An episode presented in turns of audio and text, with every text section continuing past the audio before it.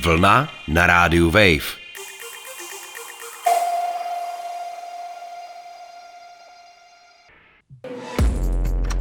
Ahoj, z Rádia Wave vás zdraví vedoucí programu Míša Sladká. Jaké to je mít zesílené smyslové vnímání a co obnáší udržování vztahu, když nedovedete pořádně udržet ani oční kontakt? To se dozvíte v audioknize Dost dobře nenormální. Najdete ji na webu Rádia Wave a v aplikaci Můj rozhlas. Čeká tam na vás do 3. března.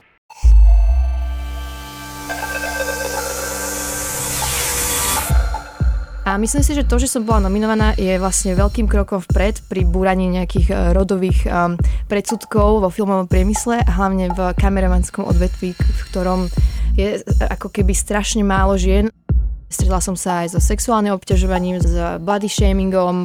To nie je tak, že muži sú zlí a my sme, my sme niečo iné, samozrejme. Je to o tom, aby, aby my sme spoločne niečo budovali a vytvorili tento prostredie, v ktorom sa cítime fajn. Vlna. Příliv témat z kultury a společnosti na rádiu Wave. Vlna.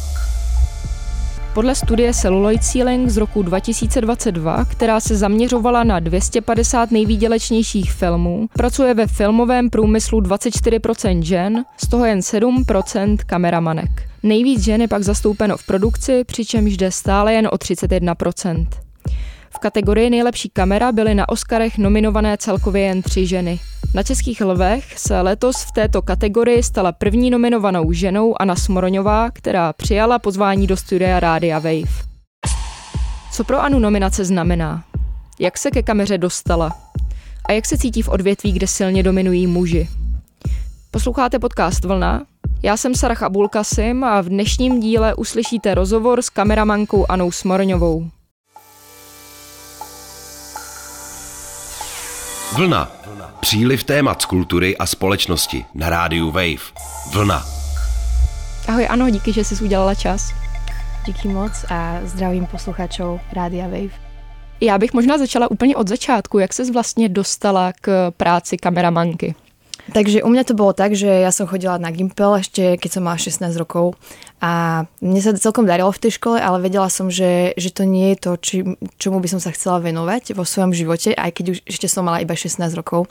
A vtedy som vlastne povedala svojim rodičom, že, že, že je to niečo, čo asi takto nevidím a moji rodičia ma v tomto strašne podporili a hneď na druhý týždeň som už chodila na umeleckú filmovú školu. Mm-hmm. Takže to bolo hrozne dôležité, že tí rodičia mi dali nejakým spôsobom podporu a že mi verili a myslím, že je to dôležité aj pri iných ľuďoch, aj pri rôznych iných profesiách, že keď máte niekoho, kto vo vás verí a podporí vás, tak tak sa vám potom uh, robí ľahšie mhm. všetko ostatné. Byla práce s kamerou něco, k čemu tě to táhlo od začátku, nebo si celkově věděla jenom, že chceš pracovat u filmu? Uh, tak to úplne nebolo. Mňa bavila skôr fotografia a na Vysokej škole muzických umení je kombinovaný odbor, kde sa študuje aj fotka, aj kamera. A ja som sa tam uh, vlastne hlásila hlavne kvôli tej fotografii, ale počas toho štúdia um, uh, bolo to asi aj tým, akými ľuďmi som sa obklopovala, že sme tam mali veľmi dobré prostredie, ktoré ma podporovalo v tom, čo som robila tak som sa rozhodla, že by som mala robiť skôr kameru a že je to naozaj odbor, ktorom um, by som mohla vyniknúť. Ja som vedela, že mám celkom silný názor na veci a že mám akože um, trochu vkus na, na, na tie vizuálne veci. Napozerala som strašne veľa filmov na tej škole, takže som si hovorila, že právě toto by mohlo být eh, to, co by som chcela robiť. Ty už máš za sebou vlastně spolupráci s různými hudebníky a hudebnicemi, jako jsou třeba Loyal Carner, Ausger, Bastille, Dne nebo Katarzia. Jak vlastně vnímáš, eh, nebo jak je pro tebe důležitý propojování hudby s tvým vizuálním vyjádřením nebo tím rukopisem? Uh, tak hudobné klipy sú žáner uh, tej audiovízie, kde naozaj ako keby v 80 alebo 90 percentách sa naozaj veľa peňazí zarobiť nedá. Tým pádom je to niečo, čo musíte robiť, uh, pretože vás to baví. A preto si myslím, že aj ja si vyberám interpretov, alebo oni si vyberajú mňa, režiséri, ktorí s nimi spolupracujú, preto ako uh, aký vizuálny jazyk mám a že je to trochu aj prepojené s tou hudbou, hej, že aj napríklad Katarzia, tak jej klip vznikol tak, že uh, bol COVID a my sme sa vlastne, nemali sme kam chodiť všakže, tak sme sa iba prechádzali vonku. A, a ja som veľa, strašne veľa počúvala hudbu a tak a, a presne počúvala som aj Katarziu a presne počas tých prechádzok a človek proste chodí sám, a tak si veľa vecí predstavuje a tiež takto som podobne videla aj jej klip a oslovila som Jay s tým, že poďme spraviť pre Katarziu niečo, veď proste je to super um, hudobník a vlastne s Katou sa všetci proste sa poznáme, tak sme sa nejako stretli a celé to začalo, takže, takže je to určite nejakým spôsobom ako keby um, srdcová záležitosť, tá hudba, hej, že musí to byť prepojené s, s tým, čo máte radi. A jak bys třeba popsala svůj, svůj rukopis? S jakýma prvkama ráda pracuješ? Ja mám uh, rada frázu, že v tme vyjde svetlo a to je aj spôsob, akým svietim, čiže ja väčšinou vždy zhasnem všetky svetla a postupne rozsvecujem a e- extrahujem z tej scény to, čo ma baví. A uh, určite moja tvorba je úplne iná, ako keby keď točím reklamu a iné projekty, ale vo filme a v tých klipoch je to skôr také, že, že naozaj, že nie som úplne kameraman, ktorý svietí a, veľmi svetlé scény, hej, že je to skôr naozaj také trochu a, viac múdové a potemnejšie. Ty si vlastně jeden z prvních celovečerních filmů a, natočila dokument o a, vraždě Kuciaka. Áno, áno. Já jsem právě četla spoustu studií a ty dokazovali to, že více žen pracuje vlastně na dokumentech. Víš, čím by to mohlo být? Myslím si, že je to tým, že, že ako keby v tom filme to je naozaj náročnejšie dostať sa k tejto pozícii kameramana, ešte vlastne z, z historického mm-hmm. hľadiska a z toho, ako to bolo všetko nastavené. Takže dokumenty sú skôr také možno nenáročnejšie a, a vlastne tým pádom, že ma, potrebujete menší štáb, menč, je tam menšia možnosť zodpovednosť veľakrát, že nie je pod vami 30 členný štáb, ktorý od vás niečo chce a a potrebuje hneď vedieť, čo si myslíte a, a nemusíte dávať takéto náročnejšie rozhodnutia, tak to bolo nejako proste pridelené nám, že dám, že oh, tak tieto možno zvládnu. Mhm. Ale samozrejme, že to tak absolútne nie je a je to úplne inak, ale, ale to všetko postupne sa presne deje a že sa to mení a, mm-hmm. a dejú sa tieto zmeny, že, je tam, že sa objavujú ženy aj v ranej tvorbe samozrejme. Dalším celovečerním filmem byla vlastně Němá tajemství, za které se letos stala historicky první nominovanou ženou v kategorii nejlepší kamera na českých lvech. Co pro tebe tahle nominace vlastně znamená? Jaká byla tvoje prvotní reakce? Ono to bol môj prvý film a hrozne ďakujem vlastne Tomášovi, že mi dal túto šancu a, a oslovil ma na, na to točiť to s ním, pretože je to vlastne veľký risk, keď idete do filmu s kameramanom, ktorý nikdy v živote nič nenatočila, ale že, že aj, ja som naozaj strašne rada, že mohla som mať túto šancu a tvoriť vlastne tento film, byť súčasťou tohto projektu. A myslím si, že to, že som bola nominovaná, je vlastne veľkým krokom vpred pri búraní nejakých e, rodových um, predsudkov vo filmovom priemysle a hlavne v kameramanskom odvetví, v ktorom je ako keby strašne málo žien. Aj tým, že dievčatá alebo mladé dievčatá nevideli možno niekedy v minulosti tie také female roles, ako keby, ktoré boli nejakým ich vzorom, tak aj to je súčasť toho, že že OK, že je tam možno menej žien. A měla ty si uh, jako mladší vlastně nějaký uh, vzor ženský za kamerou nebo celkově ve filmovém průmyslu? Uh, ja si pamätám, že práve že naozaj som nemala, ešte keď som bola mladá. Um, pamätám si na, práve na film e- Eternal Sunshine of Spotless Mind, kde Ellen Kuras spravila brutálne dobrú prácu a, a to bol presne ten film, keď som si hovorila, že wow, že kto tam bol kameraman a potom som sa pozrela, že wow, že to bola proste žena. Že, a vtedy som si hovorila, že yes, proste, že nie je to len tak, že my tu hádžeme hrach o stenu a, a nedá sa to, ale naozaj, že vedia proste byť ženy aj v tých naozaj vysokých, vysokých pozíciách v Hollywoode a točiť skvelé veci, takže, takže tak.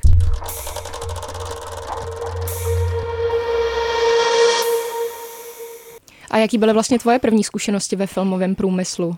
Jo, tak u mňa to bolo tak, že práve v tej škole um, som mala strašne dobré prostredie a všetci sme sa podporovali a myslela som si, že wow, svet mi leží pod nohami alebo pri nohách. A presne keď som vyšla zo školy, tak som zistila, že aká je realita, že to tak vôbec nie je a samozrejme stretla som sa aj so sexuálnym obťažovaním, s, s body shamingom, proste s vecami, s ktorými som ako keby musela dealovať.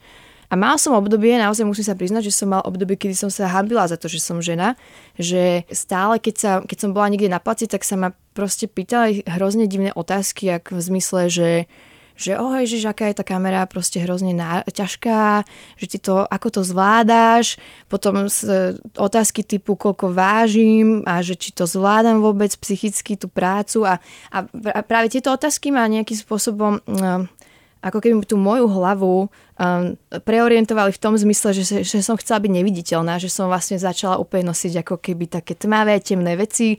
Uh, strašne som sa snažila vlastne splínuť s, tým, s tým chlapčenským ako keby prostredím. A, a to trvalo fakt strašne dlho, až presne do momentu, keď som si uvedomila, že to je niečo, čo by som mala využiť proste vo svoj prospech a byť na to hrdá, ale naozaj tým, že, že tých žien v tom filmovom priemysle, aj keď som ja začínala, ešte bolo fakt strašne málo, a tak, e, tak sme nemali možnosť dielať e, tieto skúsenosti a, a veci. Čiže to človek to tak sám e, nesie a, a spracováva celé a potom trpí. Hej? Ale, ale je presne dôležité o tomto hovoriť a hovoriť o tých skúsenostiach, ktoré máme z placu a, a, a z tohto prostredia aby sa, ty, aby sa ostatné ženy necítily sami. Teď se vrátíme k tomu, co už si tady vlastně naťukla a to je to, že aktuální statistiky ukazují, že ve filmovém průmyslu pracuje jenom 24% žen. E, co jsou podle tebe hlavní faktory, který za tímhle nepoměrem stojí?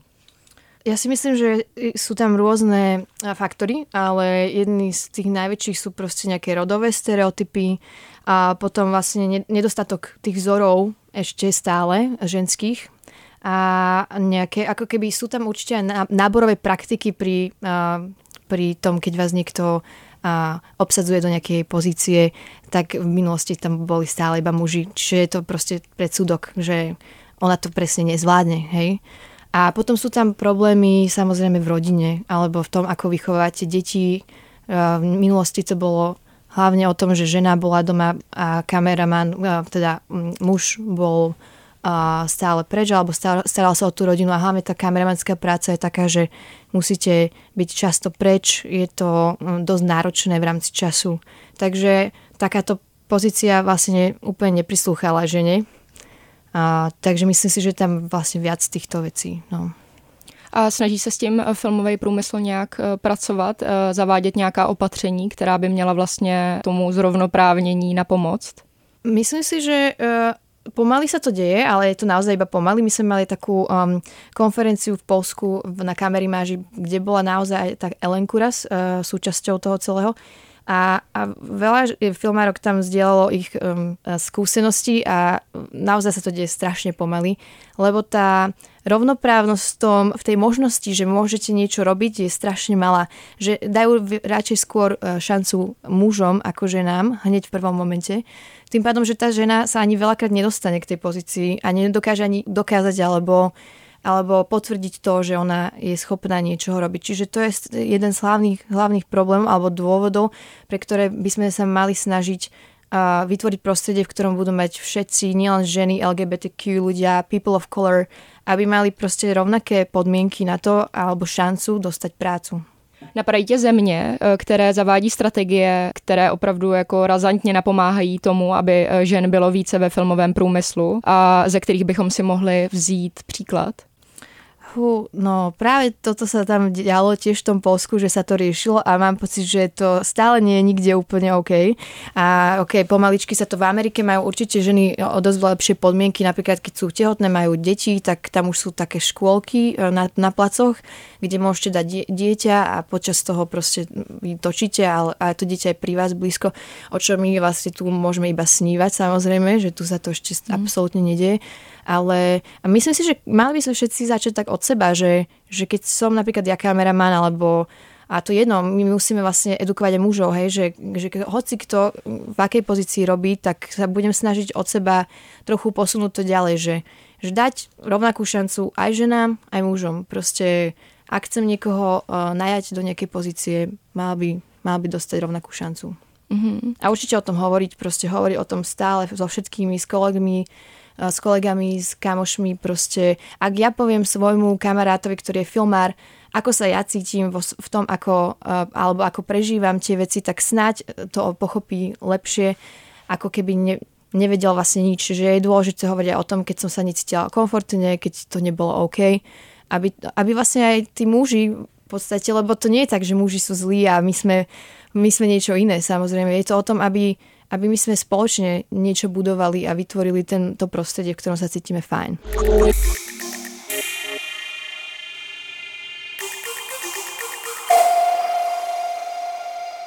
Ve studiích, který jsem pročítala před rozhovorem, jsem našla další uh, docela alarmující data a to je to, že pokud je režisérkou žena, je tam opravdu uh, mnohem větší pravděpodobnost, že do štábu obsadí další ženy, než je tomu u mužů režisérů. 19% kameramanek, pokud šlo o film režírovaný ženou, ale jsou to jenom 4% kameramanek, když film režíroval muž. Jaký s tímhle máš zkušenosti ty?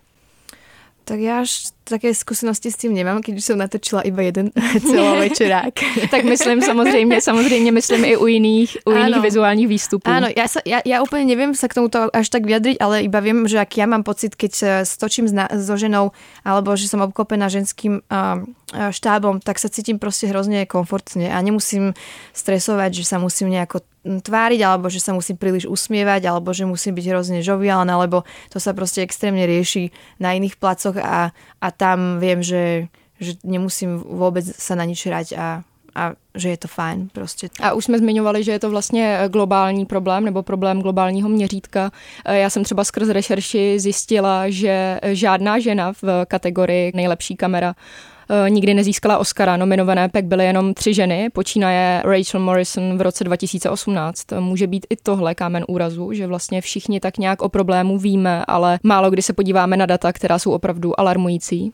Jo, a ja som napríklad tiež ne, nevedela o týchto dátach, až kým sme sa vlastne ne, nebavili o tomto rozhovore a je to naozaj strašne nízke číslo. Ale pamätám si, že keď som začínala, tak to boli, že 3% žien, keď mm. teraz je to 7, tak super, tak ešte o 20 rokov sa možno posunieme o pár percent ďalej. Ale, ale myslím si, že, že, že je to čím ďalej tým dúfam lepšie. A keď som videla napríklad zastúpenie žien v študentskej sekcii na kamery máži tento rok, tak to bolo, že naozaj, že je tam fakt asi väčšie, bolo tam ako asi polovica proste žien. Mm-hmm. Že naozaj tá mladá generácia, ono sa to, že dosť posúva ďalej a musíme veriť, že, že nás čaká teda nejaká bright future. Eh, hodně zásadní v tomhle vlastně byla eh, kampaň MeToo, která nejenom v americkém filmovém průmyslu vyzdvihla další velmi zásadní problém, se kterým se ženy potýkají a to je eh, sexuální obtěžování nebo nějaká celková objektivizace žen. Jaké jsou tvé osobní zkušenosti. Ty si to tady vlastně už eh, nakousla, to, že se s, eh, s tímhle vlastně taky setkala. Jo, jo. A je, ja o tom úplne v pohode budem hovoriť, lebo myslím si, že je to dôležité. A ja, ja som mala šéfa, šéfa ešte som uh, iba fotila, bola som asistentka toho fotografa známeho mm-hmm. a, a on ma zavolal k ním domov, uh, lebo som mu pomáhala s jedným projektom a po ceste na plac uh, sme sedeli spolu v aute. Čiže ja som akože aj poznala tú jeho ženu a deti, my sme boli mm-hmm. spoločne v tom jednom dome. A potom na, uh, po ceste na plac, uh, keď sme sedeli v aute, tak ma chytil za nohu, za, za stehno a za, akože išiel proste vyššie a mm-hmm. ja som vtedy akože úplne ako nejakým spôsobom uh, zdrevenila a mm. nevedela som, že ako sa mám zachovať, že keď ste v takejto situácii, kde vás ochy, ochytkáva alebo ošaháva váš uh, šéf, tak sa bojíte samozrejme, lebo je to vlastne vaša práca, je to vaša kariéra, hovoríte si, že, oh, že čo teraz, že je to OK, alebo proste nie je to samozrejme, že to vôbec nebolo OK. Ale ja som nejako tak prí, um, príčetne mu povedala, že chytila som mu tú ruku a proste dala som mu preč a povedala som mu, že, že, že pre mňa toto nie je OK, že že toto je už proste začiarov. A on zrazu vtedy povedal, že oh, myslel som si, že sme priatelia. A ja, že hm. OK, a čo to má s týmto spoločné? Takže a on, sa to, on zrazu videl, že keď ja som ako keby uh, nejakým spôsobom zareagovala, tak on sa stiahol, hej, že a určite sú ľudia, ktorí takto nereagujú, ktorí mm. sú agresívni, alebo že chcú, lebo viem o prípadoch, kedy naozaj, keď sa človek zoprie, alebo zoprel, tak proste ten druhý ho chcel zničiť, alebo nejakým spôsobom, mm. že, uh, lebo má nad ním moc nejakú, nejakú, keďže je to samozrejme, že šéf podriadený. Takže, uh, takže tieto veci sa dejú, ale a myslím si, že je to hrozne dôležité proste hovoriť o tom a, a, a bojovať proti, a, proti tomu a Me Too movement je hrozně důležitý mm-hmm. tiež. Setkáváš se často s takovými skúsenostmi? Uh, áno. Uh, aj, v, aj na tej konferencii, kde veľa žien v Polsku zdieľalo svoju skúsenosť s, natáčaní, s natáčaním, tak uh, bolo tam naozaj veľa takýchto príbehov, ktoré sú bohužiaľ real a dejú sa a, a je to naozaj smutné, že, že, že nám, ako keby ženám sa deje toto a mužom proste na placi oni, mám pocit, že majú hrozne taký shield alebo protection pred, mm. pred všetkým, že, nemus, že to, že napríklad ja sa neusmievam je problém. To, že, že je režisér sústredený a sústreďuje sa na svoju prácu a chce spraviť tu najlepší job, tak to je OK, ale proste keď ja vedľa neho stojím a robím presne to isté, tak všetci sa o tom proste bavia a riešia to a že čo sa deje, že prečo sa Anna neusmieva. Je to hrozne, mne to príde hrozne bizarné, že, mm. že vlastne, že je to tak, takto až odlišné vnímanie nás a ich. Ja som mala napríklad takýto, takýto strašne, fakt strašne zlý, um, zlú skúsenosť, že uh, boli sme na natáčaní a a po natáčaní už sme všetko skončili, do, dotočili sme a sadala som si do auta s režisérom a zrazu do, došiel za mnou uh, produkčný, ktorého som vlastne ani nevidela na tom placi, neviem, to bol vlastne nejaký len runner a, a došiel za mnou a, a povedal mi, že nemohol, by som si ťa odfotiť a že, že čo, že prečo? A on, že uh, máme v takú skupinu s produkčnými, uh, že, že sme sa stavili, že, že uh, kto odfotí Anu usmievať sa. A teraz ja, že uf, úplne ma to úplne hitlo, mm-hmm. ako keby bolo to naozaj hrozné. A ja som povedala, že nie a zatvoril som dvere a potom ten režisér, on sedel vedľa mňa a hovorí mi, že, že tak toto je že naozaj strašné, že že ja som mal úplne presne takéto isté momenty ako ty, že ja som sa fakt iba sústredil a snažil som sa odviesť mm. najlepšiu prácu, ale vidíš, že, že vás úplne hitujú inak, hej. Takže, mm, mm. takže bolo, bolo, to, bolo to také náročné, no. Proste mm. dejí sa to, dejú, dejú sa veci. Mm. A mluvíš o tom vlastně v minulém čase. Eh, posouvá se to někam z tvý osobní zkušenosti? Je, eh, mají k tobě teďko lepší přístup? No, no neviem, táto skúsenosť sa mi stala asi pred troma mesiacmi, takže... Takže nemy, nemyslím si, že by sa to posúvalo. Akože bolo to v zahraničí, bolo to v inej mm-hmm. krajine, bolo to u nás, ale, ale neviem, neviem, nemyslím si úplne, že dejú sa, dejú sa takéto uh, zaujímavé skúsenosti. Teď vlastně na závěr mě zajímá, jakou radu bys uh, sobě samotný, mladší Aně, dala, uh, kdyby tě teprve všechny tyhle zkušenosti ve filmovém průmyslu čekaly tak asi Anne by som dala takúto nejakú uh, radu, že aj to, že čím si prechádzaš, aj keď si v priemysle, v ktorom si prípadaš ako úplný stranger a myslíš si, že do ňoho nepatríš, tak aj to všetko má zmysel a vlastne um, tým, čo robíš, tak šliapeš cestu pre uh, mladšie dievčatá a aj kvôli tebe sa im bude po tej ceste kráčať lepšie v budúcnosti. Tak jo, tak ja ti moc krát děkuji za krásný rozhovor a měj se hezky. Jo, díky moc. Ďakujem. Ahoj. Poslouchali jste podcast Vlna? Tentokrát s kameramankou a první ženou nominovanou na Českého lva v kategorii nejlepší kamera Anou Smoroňovou. Moc krát díky, že nás posloucháte. Loučí se Sarah Abulkasim.